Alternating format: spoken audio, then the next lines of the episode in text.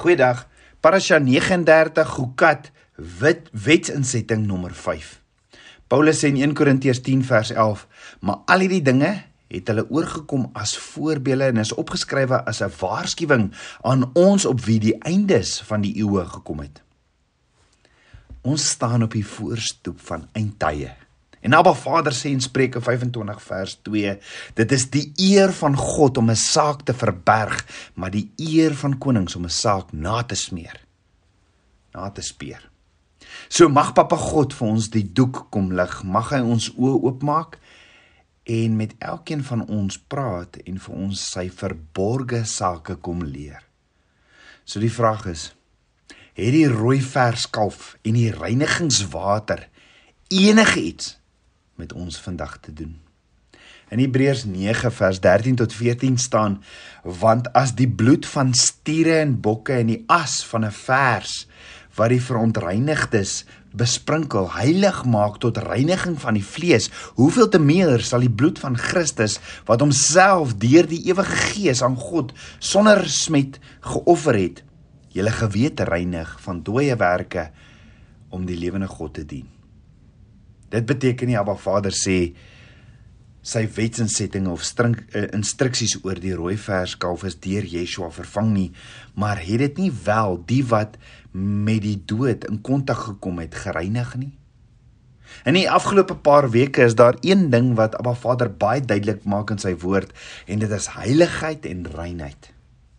En ons het gister begin sien, Abba Vader het 'n wetsinsetting gegee oor die rituele reiniging deur die offer van die rooi verskalf. Let wel, 'n ewige wetsinstelling. Dit is baie duidelik in Abba Vader se woord dat Abba Vader nie verander nie en dat sy wetsinstelling, sy instruksies en sy geheimenisse nog net so van toepassing vandag is as wat dit was in die dae van die kinders van Israel. Maar Vader leer ons in sy woord dat daar sekere dinge is wat ons liggaam, siel en gees besoedel. En dat hierdie dinge nie in die teenwoordigheid van hom kom nie, moet kom nie. Is dit dalk hoekom so baie mense so ver van Abba Vader voel en hulle voel hulle bid teen 'n plafon vas? Ah, tabernakelskind van Abba, hierdie wetsinsetting van die rooi verskalf is 'n gids. Dis 'n padkaart na intimiteit toe met Abba Vader. Maar dink gou net gou hieroor. Hoekom sal Abba Vader hierdie wetsinsetting van die rooi verskalf 'n ewige wetsinsetting maak as daar geen tempel of tempelpriesters meer is nie? Of het Abba Vader verander soos wat daar wel verkondig word vandag? Is dit nie meer nodig om heilig en rein te wees as gevolg van die prys wat Yeshua betaal het nie? Yeshua self sê in Johannes 3 vers 12: "As ek julle van aardse dinge vertel en julle glo dit nie, hoe sal julle my glo as ek julle van hemelse dinge vertel?" Dan sê hy ook in Johannes 3 vers 19: "Dit is die veroordeling, die lig wat in die wêreld gekom en die mense die duisternis eerder liefgehad as die lig, want hulle dade was boos." Want elkeen wat doen wat haatlik is, haat die lig en kom nie na die lig nie sodat sy dade nie veroordeel kan word nie, maar hy wat die waarheid doen, kom na die lig sodat sy dade openbaar kan word dat hulle deur God gedoen is. Met ander woorde, Yeshua self sê daar is dan stappe wat geneem moet word om tot reine reinheid en heiligheid terug te keer.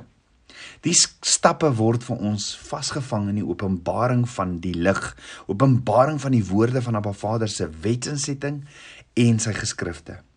Dit is tog hoekom Yeshua sy koninkryk verlaat het, sodat elkeen wat hom die lig van die wêreld liefhet, vrygemaak kan word van kennis van van hierdie ketTINGS van slawerny en Abba Vader kan nader. Heilig en rein, want hy is heilig.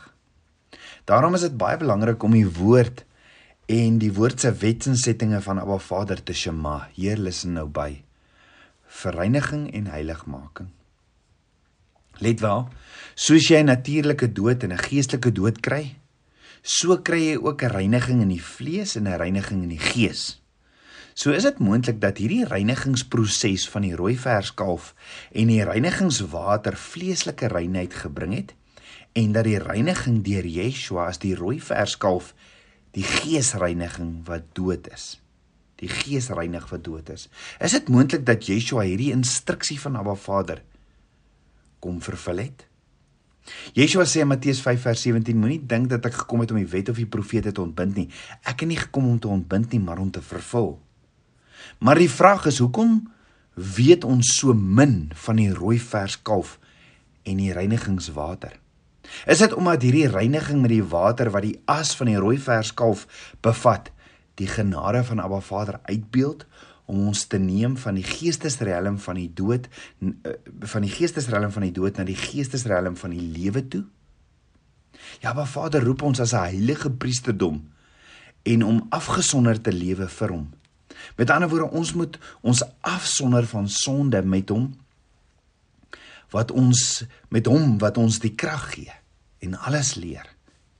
Ons moet ons afsonder van sonde met met hom wat ons die krag gee. En Abba Vader roep ons om om af te sonder van alles wat onrein en onheilig is. Want sien alles wat ons onrein of onheilig maak, keer ons om in intimiteit saam met Abba Vader te wandel, want Abba Vader is heilig, hy is afgesonder van sonde. Abba Vader se woord is egter duidelik. Ons word onrein deur in aanraking te kom met die dood, deur fisies by iemand te kom wat dood is en ook wanneer ons geestelik doodgaan soos Kain as gevolg van sonde. Romeine 6 vers 23 sê want die loon van die sonde is die dood. Nou, hoe het jy van die hoe het jy van die meerderheid toestande van onrein skoon gekom of rein geword? deur belydenis, berou, 'n offer en 'n mikwa of doop. Maar onreinheid weens kontak met die fisiese en geestelike dood. Daarvoor gee Abba Vader sy instruksies in Numeri 19 oor die as van die rooi verskalf en die reinigingswater. Die reinigingswater bevattend die as van 'n verbrande rooi verskalf was die enigste wyse wat 'n persoon wat met die helm van die dood in aanraking gekom het gereinig kon word. Want sien, kontak met 'n dooie is is is 'n erg 'n erge toestand van onreinheid. Vandag die wat nie in Yeshua glo of hom aanvaar as hul verlosser nie is egter nie rein nie want van die vernietiging van die tempel af is daar is daar geen reinigingswater meer beskikbaar om gereinig te word na kontak met die fisiese en geestelike dood nie. Daar's geen rooi verskalf beskikbaar nie, geen hoofpriester om die verskalf te slag nie en ook geen rein persoon om die voorbereidingsproses van die as te behartig nie. Daarom is daar 'n groot soeke en is dit 'n baie baie groot ding in Israel om 'n rooi verskalf te kry. Hoekom? Want die derde tempel kan slegs herbou word wanneer daar weer 'n rooi vers kalf is om die persone wat die tempel bou te kan reinig. Dan gee Abba Vader ook natuurlik baie duidelike instruksies oor die rooi vers kalf. Abba Vader sê in Numeri 19 vers 2 in 'n vers 2: 'n rooi koei sonder gebrek bring waar geen liggaamsgebrek aan is, waarop geen juk gekom het nie. Nou wat beteken dit? Dit beteken as hulle 'n rooi verskalf bring, moet daar nie eers twee enkele wit haartjies op hierdie vers wees nie. Hy moet 100% rooi wees. Selfs sy hoewe moet rooi wees en hy moet hoegenaamd geen gebrek hê nie. Nou daar's in hierdie geskiedenis van Israel net 9 rooi verskalwe geoffer. Dit is regtig moeilik om 'n rooi verskalf te vind wat aan al hierdie kwalifikasies voldoen in Israel wat geskik is. Hoor gou gou die feit dat ons vinnig nader kom na die wederkoms van ons koning Yeshua toe is 'n werklikheid. En dit hou alles verband ook met die rooi verskaf. Selfs die Jode glo dat die Messias se koms baie naby is. Hoekom? Want onthou hulle is almal onrein wat nie Yeshua aanvaar as hulle verlosser nie. Daarom is niemand geskik om die seremonie van die rooi verskalf en van die reinigingswater te kan doen nie omdat almal onrein is. So waar los dit ons? Esegiel profeteer en sê in Esegiel 36 vers 23 tot 25 en ek sal my groote naam heilig wat onder die nasies ontheilig is wat julle onder hulle ontheilig het en die nasies sal weet dat ek die Here is spreek die Here Here as ek my in julle as ek my in julle vooral oë as die heilige laat ken en ek sal julle uit die nasies gaan haal en julle uit al die lande bymekaar laat kom en ek sal julle in 'n land bring dan sal ek skoon water op julle giet sodat julle rein kan word. Van al julle onreinhede en van al julle drekgode sal ek julle reinig.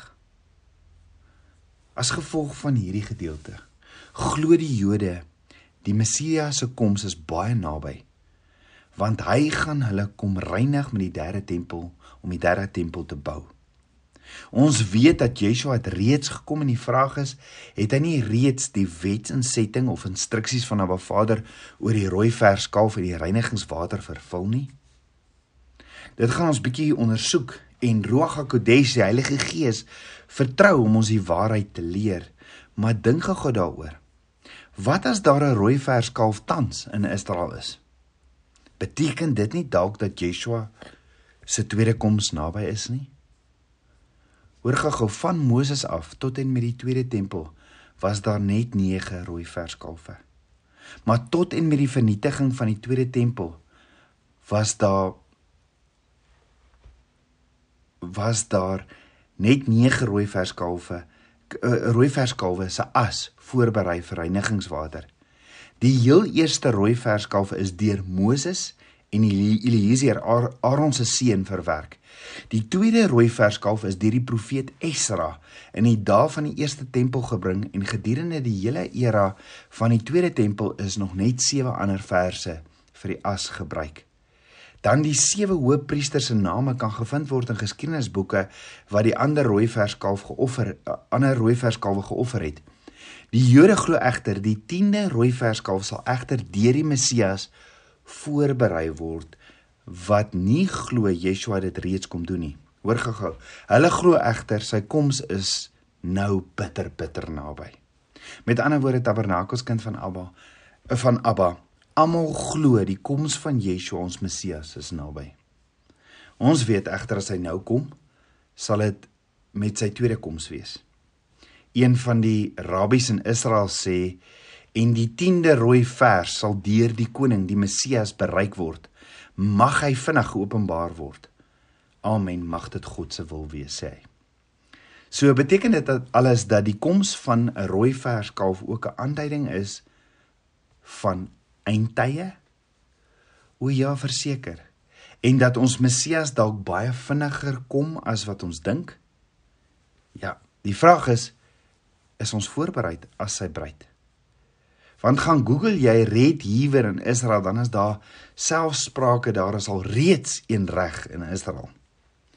Jy sien die vyf offerandes, die brandoffer, die spysoffer, die maaltydoffer en die sondeoffer en die skuldoffer wat gebring is na die bronsaltaar toe. Soos in Levitikus hoofstuk 1 tot 5 beskryf word, was offerandes wat binne die kamp in die tabernakel of in die tempel plaasgevind het.